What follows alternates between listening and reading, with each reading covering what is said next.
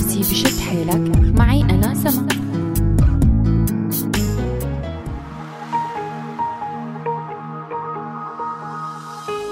مرحبا. بكاء وصراخ الأطفال هو حالة طبيعية بمروا فيها كل الأطفال خلال مراحل نموهم.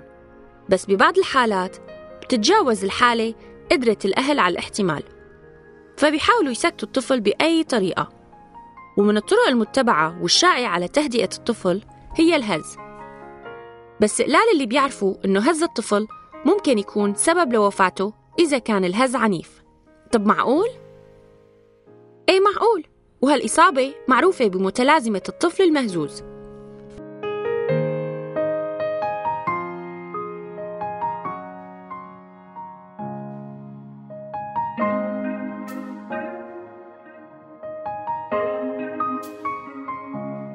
الموضوع كله بيصير بهزتين أو ثلاث هزات عنيفات بيسببوا وفاة الطفل أو خلل دماغي دائم لأنه أدمغة الأطفال الرضع بتكون نموها لسه مو مكتمل ولأنه نمو الدماغ بيحتاج لحيز كافي فبيكون في مساحة فاضية بين الدماغ والجمجمة لتسمح بالنمو.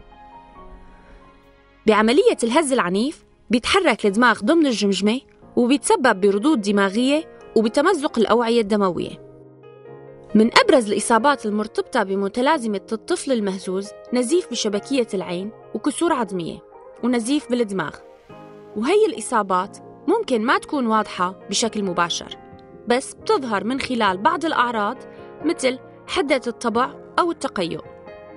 وبعض الأطفال ببين عليهم الكسل والخمول صعوبات بالتنفس ونوبات صرع.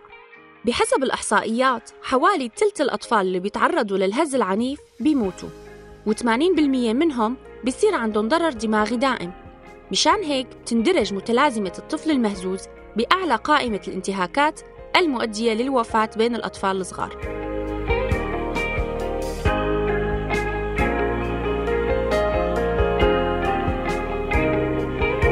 ونصيحتنا بما أنه في ناس ما بتكون واعية لتصرفاتها وقت بتعصب لا تحملوا الطفل إذا كنتم معصبين ولا تهزوا الطفل على الإطلاق ولا لأي سبب.